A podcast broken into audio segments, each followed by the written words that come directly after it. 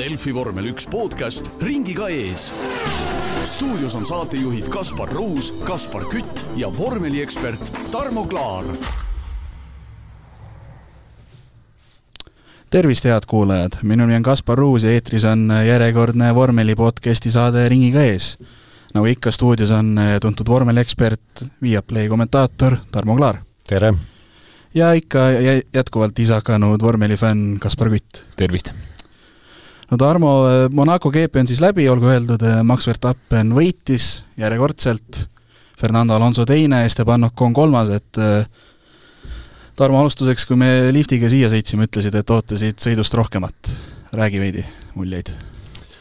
ma ootasin seda, et Red Bull ja eelkõige Perez ise on sõidus noh, Red Bull siis taktikaga agressiivsed ja Perez sõiduga agressiivne, sellepärast et kaotada ei olnud ju mitte midagi, ta tuli ju viimase koha pealt. et kui sa ei proovi, siis ei juhtu ju ka midagi. ja no tundus küll niimoodi, et ei olnud justkui proovimise tahtmistki ja see oli minu jaoks nagu, mitte nagu, vaid oligi täiesti aru, arusaamatu. et mis mõttes nagu, mis toimub? Jah, et no ühesõnaga Perez sattus kohe esimesel ringil siin natuke kontakti teistega ja noh, rehv purunes ja justkui tundus, et neil on niisugune strateegia sellega, et panevad Perezi kõvade rehvide peale, las ta sõidab lõpuni ära, aga pärast selgus, et väga paljud autod suudavad oma rehve säästa ja niimoodi see Pereze eelis nii-öelda, mis nii vähegi oligi, see kadus ka üsna kiiresti ära. Kütt üllatas see sind, et kuueteistkümnendast kõrgemale vist üldse sõidueluks ei tõusnud, võib-olla oli viieteistkümnes korraga ja midagi no, enamat. jah, no ühest küljest tegemist on Monacoga, mis on muidugi üks kõige raskemaid või ongi kõige raskem koht, kust mingeid möödasõite teha, aga kui sul on ikkagi Red Bull jalge all, siis võiks ikka sealt kuueteistkümnendast natuke kõrgemaks saada, et ma ootasin ka ikka vähemalt punkte. no ma tulen, enne kui siin sõidu nii-öelda rohkem pulkadeks võtame, tulen selle viimastel aastatel minu arust üha rohkem küsi-, küsitava küsimuse juurde, et äh, kas Monaco ringrada sobib niisugusesse tänapäevasesse F1 sarja, et äh, ei ole ikka, ikka väga vähe möödasõite on või, või kuidas teile tundub? ei no mis seal tundub, kui me räägime ringrajast, siis äh, tänapäeva mõistes see on ju täiesti mõttetu koht.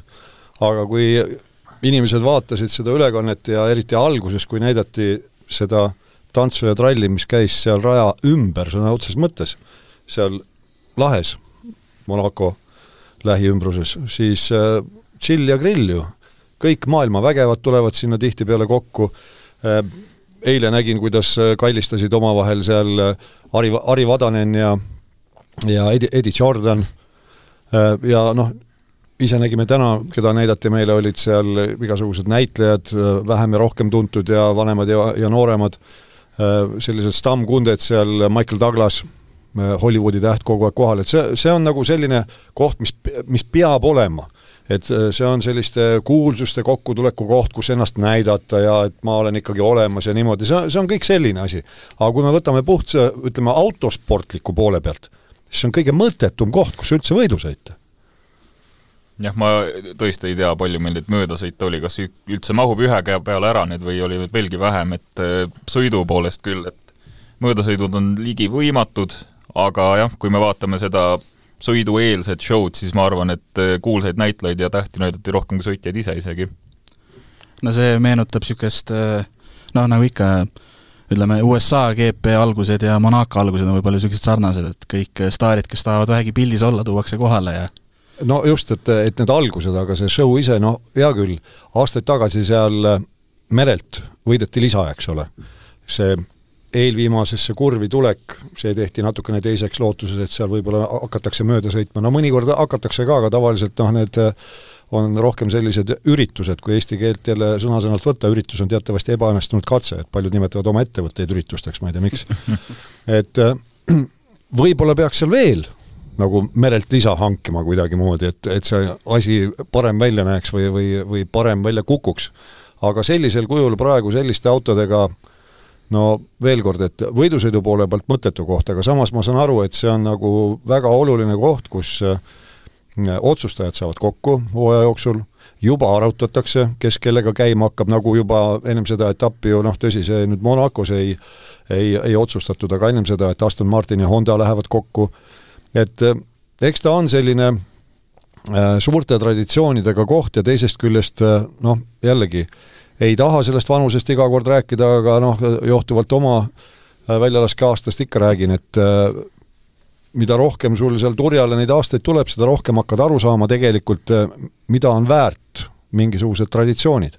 et selles mõttes nagu pole jälle paha, tsiteerides klassikuid aga jah, et kuidas nüüd seda show'd seal parandada, mina näen, et ainus viis oleks tõesti merelt kuidagimoodi veel lisa võtta, kuigi siin on nüüd ennem tunnelit on ju hotell sinna ette veel ehitatud, kus äh, enne vanasti aastakümneid tagasi vormelid ka merre pupsasid, eks ole, äh, Vahemerre. et äh, selle, selles suhtes jah, ta on vastakaid tundeid tekitav, samas olgem ausad, kui seal keegi näiteks kvalifikatsiooni võidab, siis see on tasemenäitaja. noh, mina tulen ikka tagasi selle juurde, et kui Michael Schumacher tegi oma taastulemise Mercedesega, siis tuline kahju, et ta etapp ennem oli lollusega hakkama saanud Barcelonas, tagant sisse sõitnud Bruno Sennale, eks ole, kadunud Ayrton Senna õepojale, ja selle eest sai karistada stardis, ta ju võitis kvalifikatsiooni Mercedesega. no ja mina, kes ma, veel kord, ma ei ole kunagi Michael Schumacheri fänn olnud, aga siis ma hoidsin talle pöialt ja mõtlesin, jumal hoia, no miks tal oli eelmisel etapil vaja see lollus korda saata, täiesti tarbetu lollus tegelikult ja kui äge see oleks olnud, kui ta oleks tõesti sellises vanuses, mis ta siis oli, sama vana kui praegu Alonso vist. nelikümmend midagi. nelikümmend kaks või üks kaks, jah. jah, jah, natuke rohkem. et olekski Mercedesega startinud parimalt stardipositsioonilt, et äh, sellega ta noh, põhimõtteliselt minu jaoks küll vaigistas kõik äh, need kiibitsejad, kes ütlesid, et no mis see papi sinna trügib, no tal pole ju enam, pole seda kiirust. no kurat küll, kui sa Monacos paned kinni kvalifikatsiooni, mis mõttes sul siis kiirust ei ole? ja Monaco on jah, alati olnud see koht, kus nii-öelda kõige tugevamad saavad näidata ennast, et veelgi rohkem minevikus oli ju Robert Kubica, kes päris täiesti keskvälja Renault's kaks tuhat kümme aastal sõitis välja kvalifikatsiooni teise koha te, tehes täiesti noh, põhimõtteliselt veatu ringi, lihtsalt et auto ei olnud piisavalt tugev, et esikohta saada, aga aga näitas oma klassi küll. no ja teisipidi jälle, kui tuleme tagasi läinud nädalavahetuse juurde ja laupäeva juurde, siis no Perez, tõepoolest, kvalifikatsiooni esimesel perioodil no mees, millega sa tegeled, sul on teistest peajagu üle auto, sina sõidad vormel ühega, teised sõidavad vormel üks koma viiega. ja sa sõidad seina, no täiesti käsitamatu, et kas ta siis on tõesti nii palju nagu ennast ise üles suitsitanud, et ta ongi tiitli pretendent ja, ja nüüd tal oligi see võimalus ja see Monaco on see koht, eks ole, ta on seal ka võitnud. eelmisel aastal just. et noh, nähtavasti ta küttis ennast üle, mulle tundub niimoodi jah, siin Horneri ja Newi näod näitasid kõik ära, et ega tundus, et see vähegi lootus, mis Peresel veel ajus oli, võib-olla see on ka nüüd läinud. Äh, jah, vahe on, kui ma ei eksi, praegu siis äh, kolmkümmend üheksa punkti Verstappeni ja Perezi vahel, kusjuures ju mis veel paar, paar etappi tagasi oli alles vist kuus punkti vahe, aga aga eilses põhimõtteliselt võib ju vist öelda, et Perezi nädalavahetus läks sinna Q3-e siis, Q1-e tähendab siis ei no kahtlemata seal ju, kui sa juba Monacos ei saa edasi esimesest äh, kvalifikatsioonivoorust, siis on nägemist põhimõtteliselt äh, etapiga. Äh, kes kvalifikatsioonis veel oma nii-öelda võistlusele pitseri pani? no tähtenärides jälle üks mu lemmikfraase, kõik panid pitseri loomulikult loomulikult, kõik vastavalt sellele, mis nad välja sõitsid, kõik panid pitseri, aga muidugi küsimus on selles, et kui me vaatame neid äh, ütleme siis äh, Red Bullist, äh, Aston Martinist, Ferrarist tagapool olevaid võistkondi, siis nad on ülitihedalt koos. ja seal mängib tohutult see rolli, äh, kas sa saad nüüd nii-öelda vabal rajal oma ringi sõidetud või ei saa. ja kui sa saad selle sõidetud ja ise keerad selle tuksi, no siis vahi peeglisse. teine asi, millal võistkond su rajale saadab? selles on ka küsimus, et äh, nagu kvalifikatsioonis nüüd takkajärgi selgus äh,, seda otse-eetris ei näidatud meile, äh, Leclerc, noh, ütleme niimoodi, et kui võtta puhtalt tema seisukohalt, ta ei teinud mitte midagi valesti, aga võistkond jagas talle täiesti tarbetut informatsiooni tol hetkel. tema oli oma kvalifikatsioonis oma kiire ringi sõitnud, oli tunnelis, mis tegelikult on väga ohtlik koht, seal sõidetakse, see on üks kiiremaid rajalõike Monacos, ja võistkond ei, ei jaga talle informatsiooni sellest, kes on tema selja taga tulemas kiirel ringil vaid räägivad sellest, mida Verstappen teeb. minu jaoks täiesti ebaprofessionaalne tegevus ja see on Ferrari legend. et jällegi, järelikult on väga valed inimesed oma ametipostide otsas, kui, kui no sedasi, sedasi käitutakse ja ütleme, tähelepanu hajub ja ei keskenduta olulisele. ja sellesama Leclerc'i ja Ferrari sõgeda otsuse peale või tegevuse peale läks ka Lando Norrise vähegi lootus teha kiiremat ringi ja kümnendalt kohalt kõrgemaks kvalifitseerida, et et nii ta läks. ei no päris kindlasti jah, nagu Norris ütles, et noh, ta küll midagi väga palju enamat ei oodanud, aga võib-olla kaheksas koht mm -hmm. oleks võinud kvalifikatsioonis võimalik olla ja noh, sellest tulenevalt muidugi ka stardiplats parem. Või tähendab, lõpp, lõpu, lõpuprotokollis koht parem. Monacos on kvalifikatsioon nagu pool võitu juba selles no, mõttes, jah. nii on, jah.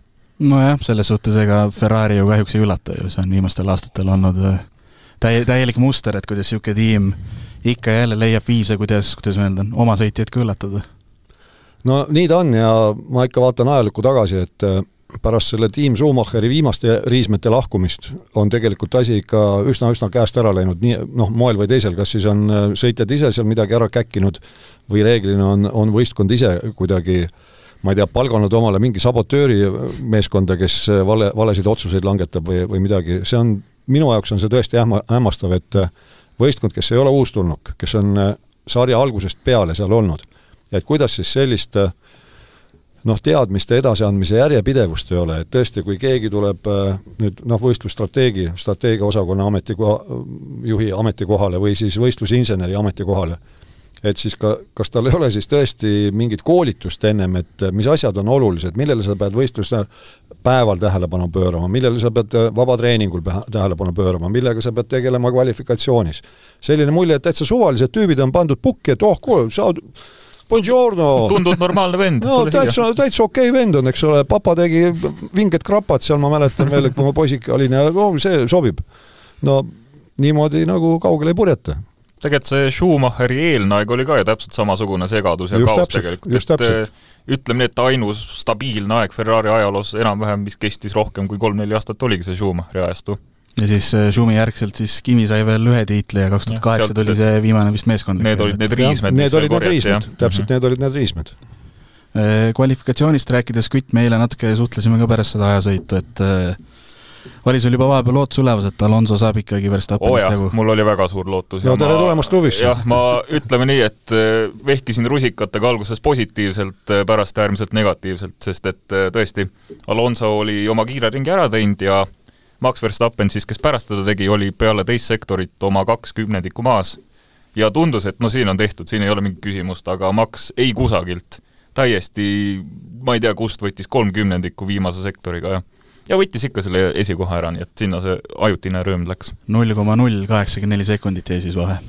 jah, ja kui vaatame või kuulame äh, neid äh, Alonso tegemisi sel hooajal, siis äh, noh, minu jaoks on ta selline positiivne üllatus ja eelkõige oma suhtumise poole pealt et äh, nii positiivne, noh, ma, ma ei ole teda näinud äh, Renault aegadest peale, siis kui ta võitis, eks ole. aga nüüd ta tõesti ilmselt on endale aru andnud, et äh, mitte, et tema parim enne oleks möödas, aga küll sinna kuklasse neid hingajaid ka tuleb, et ega tal ei ole siin enam kaabuga vehkida, et noh, kui tahan, lähen Ferrarisse, tahan Mercedesesse, enam niisugust asja ei ole mm. -hmm. et võistkond tundub olevat päris hea praegu ja kasvav ja ilmselt tuleb siis ka noh, ise positiivsust äh, välja näidata ja nagu ta ütles, et äh, ta noh, et ma sõi-, sõitsin nagu loom ja ta sõitiski nagu loom ja et, et sealt ei olnud enam midagi võtta. ja, ja samas, kui seda kvalifikatsiooni nüüd meenutada, ega tegelikult ju Verstappen ka tagasi ei hoidnud.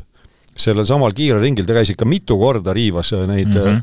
piirdeid, nii et ega see oli selline fifty-sixty, kasutades kadunud legendi väljendeid, et kas ta nüüd saab üldse ringi lõpuni või mitte, nii et seda pingutamist oli kõigi poolt kõvasti ja see tekitas lootust, et äkki noh, võistluse sees just teki, tekivadki äh, selle võrdsuse baasilt, selle ühe ringi võrdsuse baasilt mingisugused äh, huvitavad taktikalised käigud või midagi. kahjuks neid ei olnud.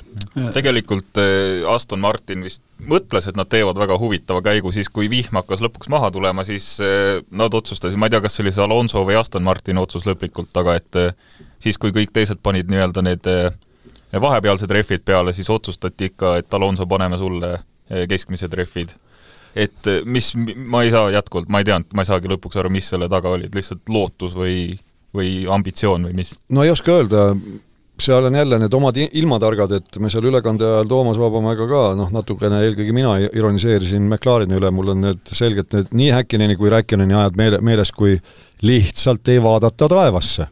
ollakse armunud sellesse arvutimonitori, eks ole, vaatavad seal neid rada, radaripilte, no jumal hoia, sul võib kilomeetri raadiuses olla oluliselt teine ilm. ja lükka see käsi sealt äh, sirmi alt välja, kas tuleb vihma või ei tule. ja noh, võib-olla neil oli siis sama teema, et oli keegi ilmatark kuskil künka otsas, kes ütles, et ei, ei, ei, et need pilved noh, suunduvad mujale, eks ole. ja mindigi riski peale välja, aga noh, ütleme niimoodi, et vedas sellega, et ennem oli Alonso nii palju kiiresti sõitnud, et tal oli selline edumaa, et ta sai veel teist korda boksi tulla. aga kas oleks olnud ka võiduvõimalus ilma selle suure äparduseta, see ole, lõpp oleks olnud napikas, aga, aga võib-olla mitte päris piisavalt, et oleks Verstappenist mööda saanud seda on nüüd küll raske öelda.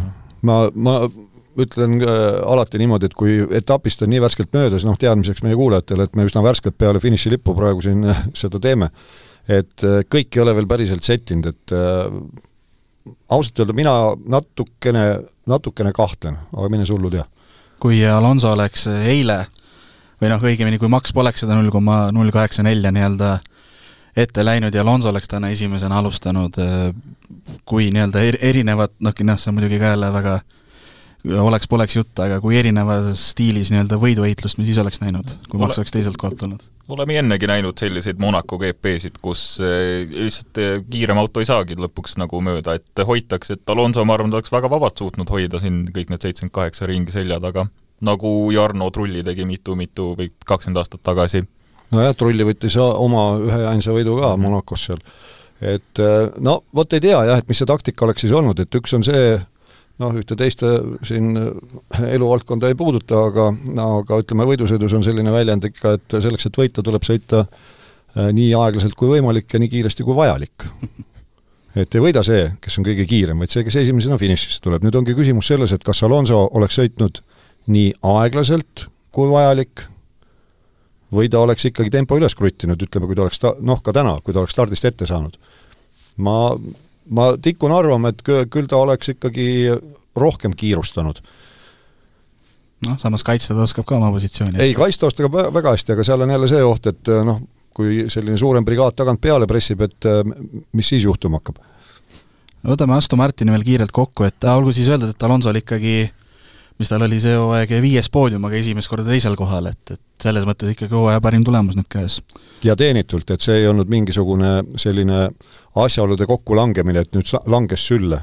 Mhm, et kvalifikatsioonis ju selgelt võitles esikoha eest, start oli väga hea, tema õnnetuseks oli, oli väga hea start ka Verstappenil ja noh, lõppkokkuvõttes äh, mängis oma rolli välja ilusasti. selles mõttes küll, et selgelt teine kõige parem sõitja täna, sai teise koha tiimikaaslasel Lance Strollil oli jälle niisugune väga üks, üks õnnetus teise otsa võistlus. et kuidagi nagu autode domino käis tal küll, et kord sõitis seina, kord sõitis kellele teisele otsa, et ta nagu ei suutnud kuidagi rajal väga hästi püsida, jah. no jaa, aga see ongi sümptomaatiline ju sel hooajal, nagu ma alguses ütlesin, et see keskväli on ju üle, ülitihedalt koos. ja sealt need sellised pingpongid tulevadki mm. -hmm. ja ega Monacos sa ei saagi niisama mööda, et oled seitsmeteistkümnes, siis sa jäädki sinna, kui, kui midagi teha ei ole jah, Perez tõestas seda hästi seekord. aga kes tegi veel hooaja parima sõidu, Ocon ja Alpine, kolmas koht, Ocon seal küll poksipaetustega vahepeal langes, ma ei tea, seitsmendaks-kaheksandaks, aga lõpuks sai kolmanda koha kätte ja kui vahepeal seal Lewis ja Hamilton natuke ohustas, siis lõpuks oli vahe vist üle paari sekundi ikka, et ka teenitud poodium. see tuli ka kõik ilmselt sellest väga heast kvalifikatsiooniringist, mis ta tegi, et noh, korraks oli küll neljas rajal, aga kui Leclerc oma penalti sai, siis, siis tõusis eh, Ocon rajal kolmandaks stardikohale ja ja tegelikult eh, sõitis väga hästi, hoidis, eh, hoidis Mercedes ilusasti selja taga. jaa, et närv pidas, noh selles mõttes muidugi ma ei ütle, et see lõpuni välja teenitud koht oli, et kvalifikatsioonis ta ei olnud ju kolmas, eks ole. aga, jah, aga kuna Ferrari tegi sellise vea, nagu ta tegi, siis ega süüdi on see, kes vea teeb ju, mitte, mitte see, kes viga ei tee. et selles suhtes muidugi, et Ocon vigu ei teinud, äh, pidas ilusasti vastu ja no mis Mercedesesse puutub, siis äh, Mercedes tuli ju, oleks pidanud tegelikult äh, nädal tagasi Imolas tulema välja nende uuendustega, aga Imola etapp jäi ära ja siis otsustati, et sellest hoolimata Monacosse tuuakse need auto uuendused, noh, visuaalselt oli kõige arusaadavam see, et auto kuju oligi teine, et varem ta oli nagu see stealth hävitaja, eks ole, nägi välja, siis nüüd ta on rohkem tänapäeva vormel üks auto moodi nende külje, priskemate küljemontoonidega ja noh, nii palju ma, siis lekitati vähemalt informatsiooni, et auto pidi nüüd olema seadistuse poole pealt etteaimatav, erinevalt sellest tiivast, mis neil ennem oli, et äh, iial ei teadnud, et äh, sead auto üles küll, mõtled, et nüüd äh, kõik on hästi ja siis lähed rajale ja selgub, et noh, tema talitab kuidagi oma pead, omatahtsi, et äh, selles suhtes äh, me ei tea seda Mercedese potentsiaali veel. et küll me siis Barcelonas hakkame nägema Äh, kui äh, täna siis jah, Hamiltonil neljas koht, Russellit viies koht, olen äh, siis see, kui Hamilton ise oli seal just parasjagu oli Okooniga vahe kuskil sekundi peale tõmmanud ja siis Russell samal ajal kurtis tiimile, et laske palun mind mööda, et mul on vaja tagasi Leclerc'iga vahet selle, siis tema sai ka ajakaristuse, et et, et samal ajal kui Lewis võitles tegelikult poodiumi koha peale ja üldarvestuses on ka eespool lootis Russell, et et teda nii-öelda tiimi poolt mööda lastakse no selles situatsioonis oli arusaadav, et meil seda muidugi ei lastud, eks ole, seda informatsiooni, aga oli ju minu arusaamist mööda küll, oli ühel hetkel selgelt näha, et äh, võistkonna poolt öeldi, et kõik kohad on külmutatud. et too, noh, mis iganes väljendeid kasutatakse, tänapäeval küll tiimikorraldused ei ole otseselt keelatud, eks ole, aga noh, on sellised ilusad poliitkorrektsed väljendid näiteks, et äh, tulge lõpuni mm. -hmm. tooge ühes tükis autod koju, noh, midagi sellist et ega ei ole ju vahet, kumb on viies, kumb on kuues. või, või neljas või viies, mis seal vahet on? punktid on ju võistkonnal, on ju punktid samad ja võistkonna punktid äh, tähendavad kohta konstruktorite karikatabelis ja koht konstruktorite karikatabelis tähendab sulle järgmiseks aastaks raha. nii ta on aga jah, Monaco koha pealt siis äh, nagu ma enne ka ütlesin, et jumal tänatud vihma eest, sest et möödasõite oli ülivähe, ja nagu mainitud, siis paarkümmend ringi enne lõppu hakkas vist sadama ja, ja siis hakkas see mõnus ja lõbus ja huvitav poksipeatuste virvarr pihta, et, et kui oligi niimoodi, et umbes viiskümmend ringi ei osanud nagu väga nagu midagi, kui ma nüüd blogi tegin, ei osanud midagi liiga huvitavat tuua, siis äkki hakkas niimoodi järjest, et kes pani nüüd valetrehvid, kes õiged rehvid, kes juba sõitis väljas kuskil seal ju enam-vähem kõik sõitjad käisid seal rajapiiretus vahepeal, ka Verstappen paar korda. seal oligi nii, et äh, kollased lep-, lipud lehvisid iga mingi viiekümne sekundi tagant, et äh, no see oligi umbes nii, et äh, et noh, viiekümne ringini oli niisugune üsna, üsna niisugune sündmustevaene, siis oli kümme minutit noh, täielikku kaost ja arusaamatust nii sõitjatel kui ka seal vihma kõigega. ja siis kuidagi nagu jälle läks natuke rohkem niisugune protsessiooni järgi, aga aga jah, selle kümne minuti jooksul juhtus väga palju asju küll, et ei, ei jõudnudki järge pidada kõigil kes kus, kes kus väljas käis ja kes boksi läks ja kes mida tegi? no sellistes olukordades tavaliselt hakkabki rolli mängima jälle see võistkondade selles mõttes võistkondade koosseis, et äh, kes need ilmatargad seal on ja, ja mis nende kogemus sellest piirkonnast on.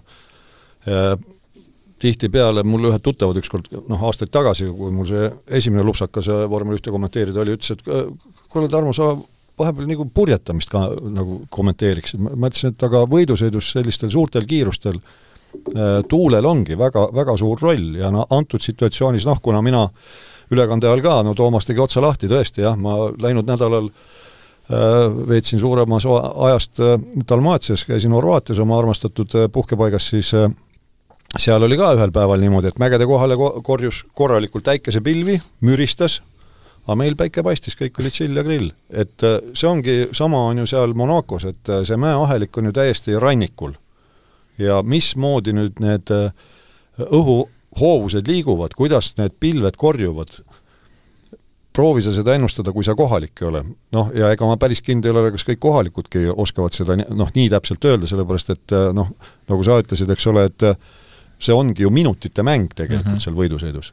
et seal ju noh, püütigi aru saada, sest Toomasel oli muuhulgas ilmakaardi, ühel monitoril oli ilmakaart ja seal ütleme siis niimoodi, et kui me niimoodi oleme seljaga mere poole nüüd, selle Vahemere poole, siis tundus niimoodi, et need pilved liiguvad nagu kuidagi sedasi äh, kaarekujuliselt äh, vasakult paremale alla. Ja vahepeal nagu korjuvad ja siis ei korju ja siis nagu ikka koguneb ja et äh, noh, ega see ongi väga-väga raske olukord ja sellest oleneb juba võistluse tulemus, eks ole, et noh, kas panna nüüd mingid teised rehvid millised panna, millal panna, noh, kogu see tants ja trall ja, ja täpselt, et Alonsol noh, ilmselt loodeti, et see Sabin on ühel rajalõigul mm, -hmm. siis läheb üle, siis hakkab rajajoon kuivama, aga suurem osa rajast on kuiv, et siis sa oled võidumees ju.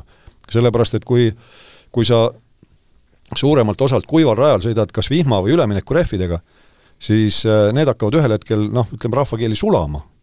Nendel pidamist ei ole, sa ei saa kiiresti sõita. ja siis, mis sest, et üks rajalõik on hästi libe. aga kuna suurem osa on kuiv, siis sa tihtipeale oledki võidumees, kui sa lähed selle kiilasrehviga rajale, et vot äh, eks see oli nüüd see kaalumise koht see oli tegelikult hästi huvitav jälgida ka sõidu jooksul, et äh, igal tiimil põhimõtteliselt nagu öeldi midagi erinevat, kui keegi, kui Ferrari'lt küsiti, või no kui sõitja Ferrari käest küsis, et kuule, kuule vihm on, siis ah, pool tundi ja samal ajal Alpiinis või kus iganes küsiti, ah, kümne minuti kaugusel, et ongi igal ja. tiimil on täiesti erinev äh, strateegia või erinev süsteem ja ja öeldi kogu aeg, et ah, viieteist minuti kaugusel kuniks siis ühel hetkel äkitsi oligi vihm maas ja, ja siis hakkaski kõik see kaos pihta, et ei suutnudki lõpuks keegi ette ennustada õigesti. ja Ferrari ju tegelikult äh, läksid ka seal rehvi valikuga natuke alt, et, et Alonsol oli selles mõttes, tal oli kolmanda koha ees piisav edu sees, et sai seal kaks peatust lubada, aga aga Sainzil ja Leclerc'il seal nii hästi ei läinud Ferrari'ga. lõpuks pidid ju noh, Sainz pidi ootama ka veel Leclerc'i järel, et äh, sinna läksid ka väärtuslikud sekundid ja sinna lõpuks see siis äh, kaheksas koht läks, mis enne oli üsna kindel neljas, et, et jah. No see ei läinud ütleme niimoodi, et aga noh, muidugi Sainz käis väljas ka vahepeal jah. jah, Sainz seal tembutas ise mm -hmm. ennem, nii et äh, Sainz peab rohkem peeglisse vaatama ikkagi. aga noh, nii ütleme, sellist äh, virvarri näeb ju alati, kui vihm hakkab sadama, et äh, kui vormel ühes on igav, siis keegi peab kuskilt taevaluugid avama ja läheb põnevaks. Pernil oli kunagi õige idee, et toome nii-öelda võltsvihmaraja jah, sprink-, sprinklerid raja äärde ja ühel hetkel Berni vaatab, et ah, sõit on igav, igav, vajutab nuppu ja teeme põnevaks. siis oleks teistpidi äge, kui siis saaksid äh, tiimi äh, nii-öelda ilmamehed ennustada, et millal siis igav, millal igav Bern, hakkab. millal Berni otsustab, et igav hakkab. jah, seda. no õnneks päris nii ei läinud aga äh, Kütt, sa oled siin Yuki Tsunodat palju kiitnud, et viis etappi, kas kümnes või üheteistkümnes koht, et tegelikult seekord sõitis ka nii, aga seekord lõpuks... oli kõik nagu valemi järgi minemas, kuni siis äkki oli viimase viieteist ringini, kui Jukil lõpuks siis, vaid tal oli ka mingid probleemid Pidu, autoga, pidur, midagi ta kurtis küll ja siis tuli see vana hea Juki tuli raadios välja, kes ikka ropendas ja karjus ja ja ütles, et kõik on valesti peale tema ise ja ja siis oligi, et siis said kaks McLarenit, Norris, Piastri said üsna ruttu temast mööda, sinna see üheksas ja kümnes jah, läksid ja noh, üheteistkümnes koht oli veel tulemas, nii et valem oli jätkumas, kuniks siis Tsunoda ikkagist sõitis ka täitsa välja ja kaotas päris palju kohti. nojah, aga ilmselgelt seal oli piduriprobleemidega tegu, et äh, see, et ta seal pärast raadios üle, üle kees, äh, noh, arusaadav ju, sa oled kindlal punkti kohal, eks ole, sa oled tiimi esisõitja, kindel vend, noh, kõik on hästi ja siis äkki on mingisugused jamad, noh vot kui, kui endast välja keegi, keegi läheb, teisipidi jälle võttes hüppan tagasi Ferrari peale ja Sainzi peale, Sainz, kui ta selle parempoolse või mis oli siis vasakpoolse ikka, esi, esitiiva nurga seal ära kaotas, algul tempo rai-, langes ju rajult, aga mees kohanes ja siis ühel hetkel sõitis täitsa äh, Ok-, Okooniga samas tempos, et äh, noh, see on jälle see teema, et kui kiiresti keegi kohaneb, aga teine asi on, et noh, hea küll, me võime siin naljatleda ühest küljest, et pidur on kiiruse surm. aga noh, mõne koha peal tuleb ikkagi vajutada seda pidurit ja kui sul siis Äh, vajutamise tulemusena mitte midagi ei muutu, siis ajab ikka närvi küll. Äh, jah, seekord oli ju esimest korda vist, kui ma ei eksi, kui jah, oligi esimest korda, kui äh, kuulus Nick de Vries sai lõppkokkuvõttes parema koha, kaheteistkümnes oli täna. jah, aga ütleme Nick de Vriesist rääkides, et üldiselt sel nädalavahetusel noh, Monaco oli ta, nagu ta oli, aga tema noh, ütleme siis kaotus Tsunodale ei olnud nii suur, kui ta on siin varasematel etappidel olnud mm nii et äh, noh, ütleme nii, et loodetavasti äh, De Vries kogub ennast ja noh, järgmine etapp nädala pärast on päris ringrajal siis Barcelonas, eks näe. et, De Vries jah, selles mõttes, et äh, jõudis täitsa teise kvalifikatsioonivooru ja ei olnud tõesti liiga kaugelt Tsunodast, et vähemalt no see ajavahe oli väga väike, see oli alla, alla kahekümnendiku isegi. no okei okay,, võib öelda, et vormel üks mõistes seegi on, on suur, aga tegelikult ikkagi, et see ei olnud mingi pool sekundit või midagi sellist. hoidis nina puhtana ja vähemalt tõi auto koju, et De Vriesilt poolt tubli töö. no üsna õnnetu sõit oli lõpuks äh, Haasi jaoks, kui, kui Nico Hülkenberg kaotas seal kahe ringiga lõpuks ja, ja Kevin Magnussen vist oli napilt enne, kui ta lõpuks äh, tahtis boksi minna, siis äh, sõitis seal rehvidega seina ja jah, Magnussen oli viimane, kes veel üritas nende kuiva ilma rehvidega veel kuidagi rajal püsida ja juhtus see, mis paratamatult juhtub, kui sa oled märjal rajal kuiva, kuivade rehvidega, et lõpuks täpselt üks kurv enne boksi, boksi teed, siis ta ikka pidi sinna seina sõitma ja ja sinna see vähegi, ma ei tea, kas see oli eelis või see oli lihtsalt lootus, aga sinna see läks. No see oli pigem lootus jah, aga noh, mis neil vaesakestel üle jäi, et nad olid lootusetult seal tagaotsas, siis mindi mingisuguse ekstravagantse äh, boksi taktika peale ja ei mänginud välja. pärast äh, vihmarehvidega Magnussen, Magnussen äh, sõitis ka veel korra rajalt välja ja lõpuks temast saigi siis teine katkestaja Lance Trolli kõrval, kaks meest katkestasid. jah, mis on hämmastav tegelikult, et turvaauto ei käinud kordagi rajal ja mis oli ju, Miami's oli sama teema mm. -hmm, jah. ja virtuaalne oli seal vist ainult. Miami's ei olnud isegi, Miami's ei olnud vist isegi kollaseid lippe, jah. Miami's oli nii-öelda puhas sõit. õige, õige, seal polnud isegi kollaseid lippe. see oli see kõige haruldasem, haruldasem sõiduliik. uskumatu jah, aga jah, et Monaco puhul, et äh, turvaautod kordagi rajal ei käi. ja vihma, vihma, vihma jah, et äh, häm-, hämmastav täiesti ja nii vähe katkestajaid. no virtuaalselt ei olnud, noh, kollaseid lippe oli jah palju, aga ega vist ei olnud ju virtuaalselt ka. ei olnud jah. sest et äh, noh jah, nagu enne sai ka mainitud, et neid nii-öelda rajapiirete riivamisi oli päris palju seal, aga ja noh, Sodi lendas sealt ka omajagu ra-, rajale, aga vist mitte piisavalt, et oleks olnud põhjust äh, nii-öelda turvaauto rajale tuua.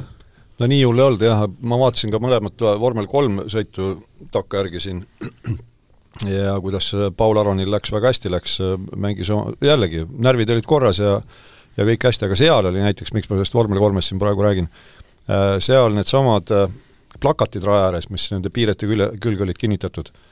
ühe, üks plakat rebenes niimoodi lahti, et jäi, rebeneski tükk lahti sealt, jäi asfaldi peale vedelema ja rehvid on ju soojad. ja siis üks võistleja sõitis üle selle lahti rebenenud tüki ja see rullus tal ümber ratta. ja terve tagumine ratas oli valge ühtäkki kontaktpinnal jah, äh, vormel kahes juhtus ka tegelikult üks äh, äärmiselt äh, ohtlik ja peaaegu et isegi fataalne juhtum, kui, kui siis olid ka kollased lipad veel rajal, sest et keegi oli välja sõitnud, aga noor vormel kahe sõitja ei pannud tähele kollaseid lippe ja oleks ääre pealt rajatöötajale otsa sõitnud, et see oli taaskord niisugune sentimeetrite mäng või millimeetrite lausa. soovite veel Monaco GPS nii-öelda F1 vaates midagi lisada? Ei, minul antud juhul küll mitte, et põhiline räägitud. aga jah, nagu sa mainisid, või olid sinul veel midagi? jah, ütleks lihtsalt, et eh, ei olnud kahjuks küll kõige põnevam sõit, aga need eh, kümme, kümme minutit eh, vihmakaost olid päris meeldiv niisugune vahepala küll. et need eh, tasakaalustasid ära selle? enam-vähem, jah. aga jah, eh, mainisid Paul Aronit juba, et, et eh, tundub vist korralik nädalavahetus, et täna, täna ta oli nii-öelda terve sõidu minu arust kolmandal kohal jaa, algusest peale, startis kolmandalt, lõpetas kolmandana ja eile startis kümnendalt, lõpetas kümnendana. Ja jällegi oh, hästi. Äh,, vormel kolmed on kitsamad autod, seal isegi sõideti mööda, aga äh, nagu igas võistlusklassis, mida kõrgemal positsioonil oled, seda tihedamalt koos ollakse, seda kõrgem on kõigi võistlejate tase või sarnasem. ja siin äh, see võistlusformaat on siis selline, et see lühike sõit sõidetakse nii-öelda pööratud järjestuses ja ma ei mäleta enam, kas see on siis Monaco eripära või seal olid esimesed kaksteist olid pööratud. ja kuna Paul oli siis, ja seal on veel noh, see läheb pikaks nüüd, seal kvalifikatsioon sõidetakse ka veel kahes alagrupis ja blablabla bla, bla, nii et äh, põhimõtteliselt äh, Paul jah, sellel kohal, kus ta, kus ta startis, selle ta ka lõpetas, aga tema ümber olid ju kõik kiired vennad. et jällegi, ta oli kõva surve all mõlemas sõidus. no täna Luke Browning äh, vist terve, nii-öelda väga suure osa sõidust seal noolistada. jah, noolistada ja äh, vormel kolmel on ju samamoodi DRS kasutada. ja ei olnud sellest DRS-ist abi ja no ma arvan, et äh, ma, kuna ma tagant järgi vaatasin, siis ma ei näinud sektori aegu ega midagi, aga mul oli tunne, et äh, Paul mängis ka kassi-hiirt temaga, et noh, nagu mul üks vana tuttav ütles omal ajal kuldsed sõnad, et võidusõit on peaga sõit ja Paul sõitis tõesti, näitas, et ta on peaga sõitja mm. -hmm. ja ei läinud seal Dino Beganovitši oma võistkonnakaaslast, tõsi, kes on Ferrari stip-, stipendiaat, Paul Aron teatavasti on Mercedese stipendiaat, aga nad on mõne, mõlemad Prema võistkonnas, ei läinud äh, seda kimbutama, vaid läks kindla peale kolmandat kohta võtma, et äh, lõppkokkuvõttes noh, nagu ta ise on ka öelnud, et äh, ega siis see on ju üheselt arusaadav, et punktid, punktid on olulised, et sa võid seal kõrge koha peal olla, aga kui sa teed mingisuguse mõtteta manöövri, mis su kogu sõidu ära nullib, siis seda ei mäleta pärast enam keegi, et sa sõidu sees nagu olid justkui särav tegelane. lõpptulemus on oluline. ja praegu ta ongi üldarvestuses äh, tõusnud viiendaks, seal äh, teine kuni noh, kuni teise kohani on vahed väga väiksed, et Gabriel Portoleto on natuke eest ära seal, seitsekümmend kolm punkti on koos, Paul Aronil on siis viiendana kolmkümmend kaheksa punkti ja jääme, kui ma ei eksi, siis juba järgmisel nädalal Barcelonas saab uuesti teda võistlemas näha, et no just. loodame, et see stabiilne algus jätkub, et Paul ikka tooks neid punkte koju.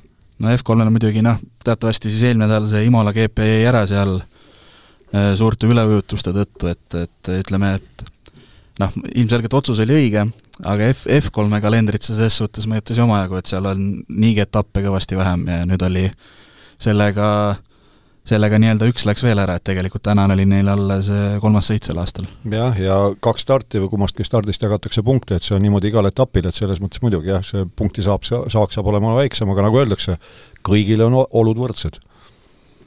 ega vist Imola asemele, nii palju kui ma lugenud olen, ega vist ei tule midagi? ilmselt mitte jah, et ega neil ei ole vist enam aega ka mingit uut üritust korraldada, et, et noh, jäi ära tead täiesti loogilistel põhjustel ja, ja nüüd jah, kõigil on olud võrdsed. no ütleme, pigem ei ole kohta, kuhu teda toppida, sellepärast et äh, see äh, suvepuhkus, see ilmselgelt on ja jääb ja on vajalik, sellepärast et noh, oma tööga seoses veel kord, mul üks äh, kolleeg Inglismaalt, tema on töötanud seitse hooaega vormel ühes, oli siis noh, konkreetselt Shelli nii-öelda määrdeainete analüütik seal ja üt-, ütles, et see on pöörane koormus, see amet, olla seal, töötada vormel üks võistkonnas, see amet on vallalistele. pereelu sul ei ole, sul ei ole selleks lihtsalt aega. ja see on väga tänuväärne, et aastaid juba on see suvepuhkus, mis on siis kohustuslik paus, kus äh, minu teada see paus, kui on neli nädalat, äh, siis kas see oli kaks nädalat, tehased peavad olema suletud ja, ja seda kontrollitakse nii et äh, seal noh, võib-olla hiired jooksevad ainult. jah, nüüd on ka praktiliselt, äh, mis ta tavaliselt on, et umbes au-, august on vaba või midagi sellist. jah, reeglina on nii, jah. Äh, F1 teemadel veel, Monaco väliselt siin paari nädalaga, nagu ikka, liigub igasuguseid kuulujutte, et vahepeal räägiti juba, et Ferrari peab Lewis Hamiltoniga läbirääkimisi Hamilton ise ütles ära, et, et ta ikka tahab ikka Mersus jätkata. see on see koht, et ajakirjad vajavad pealkirju ja ja Instagramid, kõik asjad vajavad ka mingeid nupukesi uudiseid, mida jagada, et eh, tundub väga-väga ebarealistlik, et Hamilton isegi mõtleb Ferrari poole ja ta... ei no Hamilton võib isegi mõelda, sellepärast et paljud võistlejad on öelnud, et tegelikult see on noh, nagu omaette unistus ikkagi olla Ferrari mundris ka oma vormel üks karjääri jooksul. linnuke kirja. jah, aga noh, olgem nüüd realistid, et eh, ka selline Grande Casino, nagu tänasel päeval seal Ferraris käib, aga milleks neile Hamilton? olgem ausad, milleks? Sellest ma võin veel aru saada, et äh, Mercedes noolib Leclerc'i. sellega võin ma nõus olla. teisipidi jälle, aga milleks teile siis see farm, kuhu kuulub muuhulgas ka Paul Aron näiteks, ja mitte üksi Paul Aron, sealt on ju teisigi veel peale kasvatata maas. et äh, väheusutav ja kusjuures no see palganumber, mida küsib Hamilton, on ju pöörane milleks selline kulu, kui samal tasemel sõitjat tegelikult on võtta. ma tean, mul on palju vaenlasi sel teemal, et et Michael Schumacherit ma ei ülistanud taevani ja ja Lewis Hamiltoni samamoodi, et Hamilton on väga kiire, oma põlvkonna üks kiiremaid sõitjaid, samamoodi nagu Michael Schumacher oli oma põlvkonna üks kiiremaid sõitjaid. aga noh, paljude jaoks avas silmad see, kui Russell äh, ase-, asendas Hamiltoni äh, koroona ajal ta oli ju etappi, jah ja., ta oli ju etappi võitmas. ja siis oli paljudel suu põlvini, et mis mõttes, kes see Russell kust see tuli? Williamsis sõitis, vormel, on ka sõitnud, ah soo. et äh, noh, vot nii palju siis jälgitaksegi ja ja saadakse aru sellest, et kui palju noh, tehnikaspordis sul ikkagi see sinu kasutada olev tehnika ja, ja meeskond loeb, et äh, ma olen nõrkemiseni toonud seda suusatamise näidet, et kui sul ikka määrdemeister määrib su kinni, siis sa võid olla Kristiina Šmigun või Bente Skari või kes iganes. sa ei liigu mitte kuhugi, sul on need pakid seal suusa all ja kogu muusika. jah, toona siis, mis see oli, kaks tuhat kakskümmend Bahrein, kui Russell selle võimaluse sai, et seal ju no, võistkond käkkis ära. jaa, võistkond käkkis ära seal. pandi Just, et, äh, kahe boksi, rehve. boksi peatusega jah, Boksi pandi valed rehvid ja selles mõttes, et äh, teadmiseks meie kuulajatele, vormel ühes on hästi paljud asjad on jube täpselt reglementeeritud ja ka võistluse sees jälgitakse, et õigele autole lähevad õiged rattad, jälle oleme terminites korrektsed, komplekssed rattad, siis velg, millel on rehv juba peal ja õhk on sees ja kõik. et äh, ütleme, tänasel päeval Russelli autole peavad alla minema Russelli autorattad ja Hamiltoni autole peavad minema alla Hamiltoni autorattad. tollel etapil, kus tal võistkonnakaaslane oli siis Botas, tal kui õigesti mäletan, kaks ratast olid Botase auto omad mm -hmm. ja kaks ratast oli, olid tema autod. jaa, oli vist küll, jah. mingi selline segapudru Ja- seal, et no ja- laomees oli natukene vist äh, päikse käes kaua olnud. ja mitte ainult see, aga paar ringi hiljem oli veel rehvi purunemine ka, nii et jah. äh, Russellil äh, ikka, ikka koormati korralikult seda ebaõnne esimese etapiga Mercedes. aga, aga noh, veel kord, et see selline võistlejate tants ja trall selle ümber, et kes kuhu läheb ja kas läheb ja miks läheb, noh, nagu sa ütlesid, et äh, tihtipeale ongi, on selline hapukurgi hooaeg, nagu nüüd tekkis see ootamatu paus, no kurat, millest sa räägid, noh? no tõesti ei ole teemat, kõik on vait ka nagu sukad, no aga mõtleme siis midagi välja, pane, laseme linnuks lendu, äkki, äkki tabamegi märki. see on, see on alati olnud ja see ongi osa sellest äh, lõbusast ajast ka, et äh, see paratamatult tuleb, et iga kord saab lugeda, kes läheb Ferrarisse või kes läheb Mercedesesse. no lühidalt, ma olen võib-olla liiga pessimist, aga ma ei usu sellesse, et üldse mingeid selliseid läbirääkimisi olnud on. Kütt arvad, see on äh, Ferraril põhjust siin vaadata, ma ei tea, ütleme Sainzi koha peal kedagi teist? ma arvan, et vot see on nagu natuke realistlikum jah, et eh, Sainzi noh, ka tänane etapp näitas, et eh, kui Sainzil nagu ei lähe hästi, siis ta ikka maksab päris paljugi tiimile punkte ja ja ma arvan, nad kindlasti vaatavad kas või noorte poole või siis vaatavad eh, praegu olemasolevaid.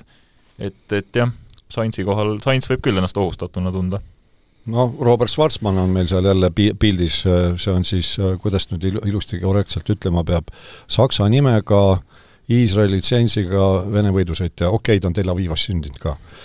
et äh, Robert Schwarzmann jah, vormel kahes oli kõva vend äh,, on Ferrari stipendiaat, oli kohal jälle, võimalik äh, siis reservsõitja, nii et noh, see, tema on jälle üks nendest, kes on seal see pealekasvav, nii et Äh, jah, Sainzil on muidugi, nii palju kui mina tean, selline äh, tu-, sellised tugevad taustajõud eesotsas ta isaga, kes on ikkagi autoralli re-, lege-, legend ja, ja mis ta on siis, kahekordne kahekordne maailmameister. maailmameister, eks ole.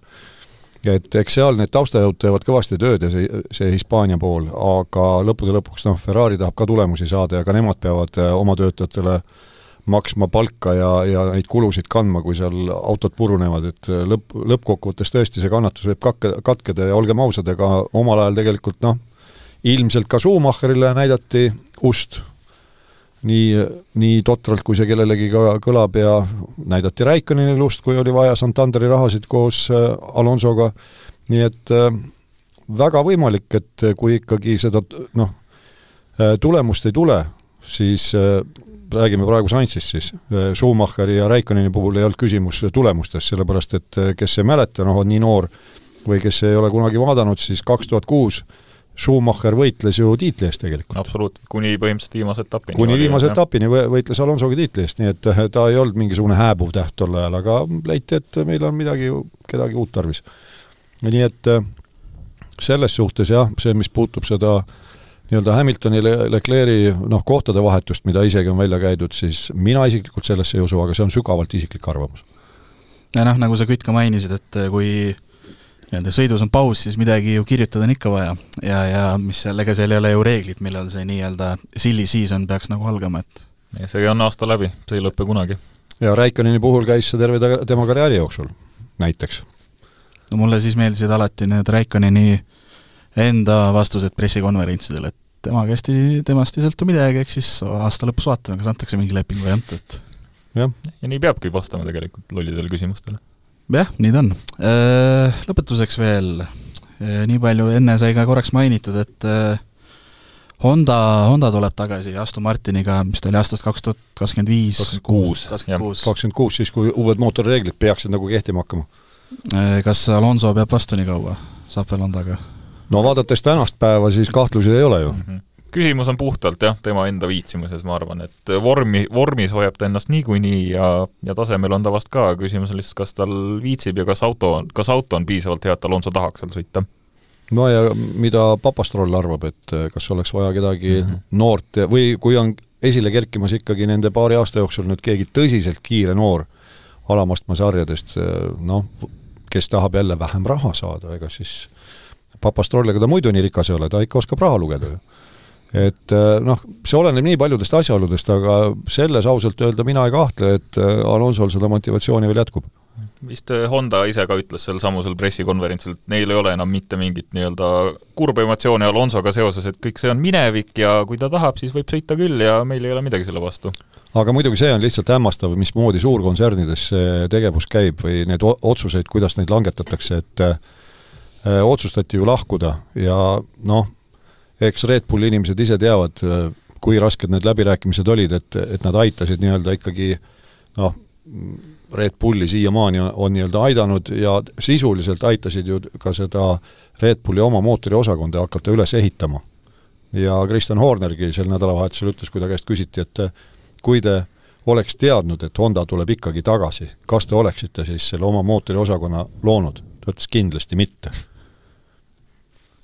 See, ma lugesin ka, et see enam-vähem see Honda nii-öelda edasi-tagasi käimine sõltubki puhtalt omanike huvist, et kord on omanik, kellele meeldib vormel, siis jälle teevad oma osakonna, siis tuleb uus omanik, kellele ei meeldi vormel, siis või noh, ütleme otsustajad, jah ja,, põhimõtteliselt sul on õigus mm, -hmm. täpselt nii, et see, kes see juhtoinas seal on, tema tujudest nagu sõltub. nii, aga võtame vist sellega, tõmbame tänasele saatele joone alla või on veel hingel midagi? no nädala pärast saab hingelt ära rääkida eks vahepeal jõuab veel koguda ka asju. just nii, aga selleks korraks eh, kõik, eh, tänud kõigile kuulamast ja olgu öeldud, et eh, meil on ka meiliaadress ringiga ees at delfi.ee, kuhu kõik siis saavad soovi korral küsimusi, mõtteid saata, kirjutada, joonistada. aga selleks korraks siis kõik, aitäh! järgmise korrani! nägemist! Delfi vormel üks podcast ringiga ees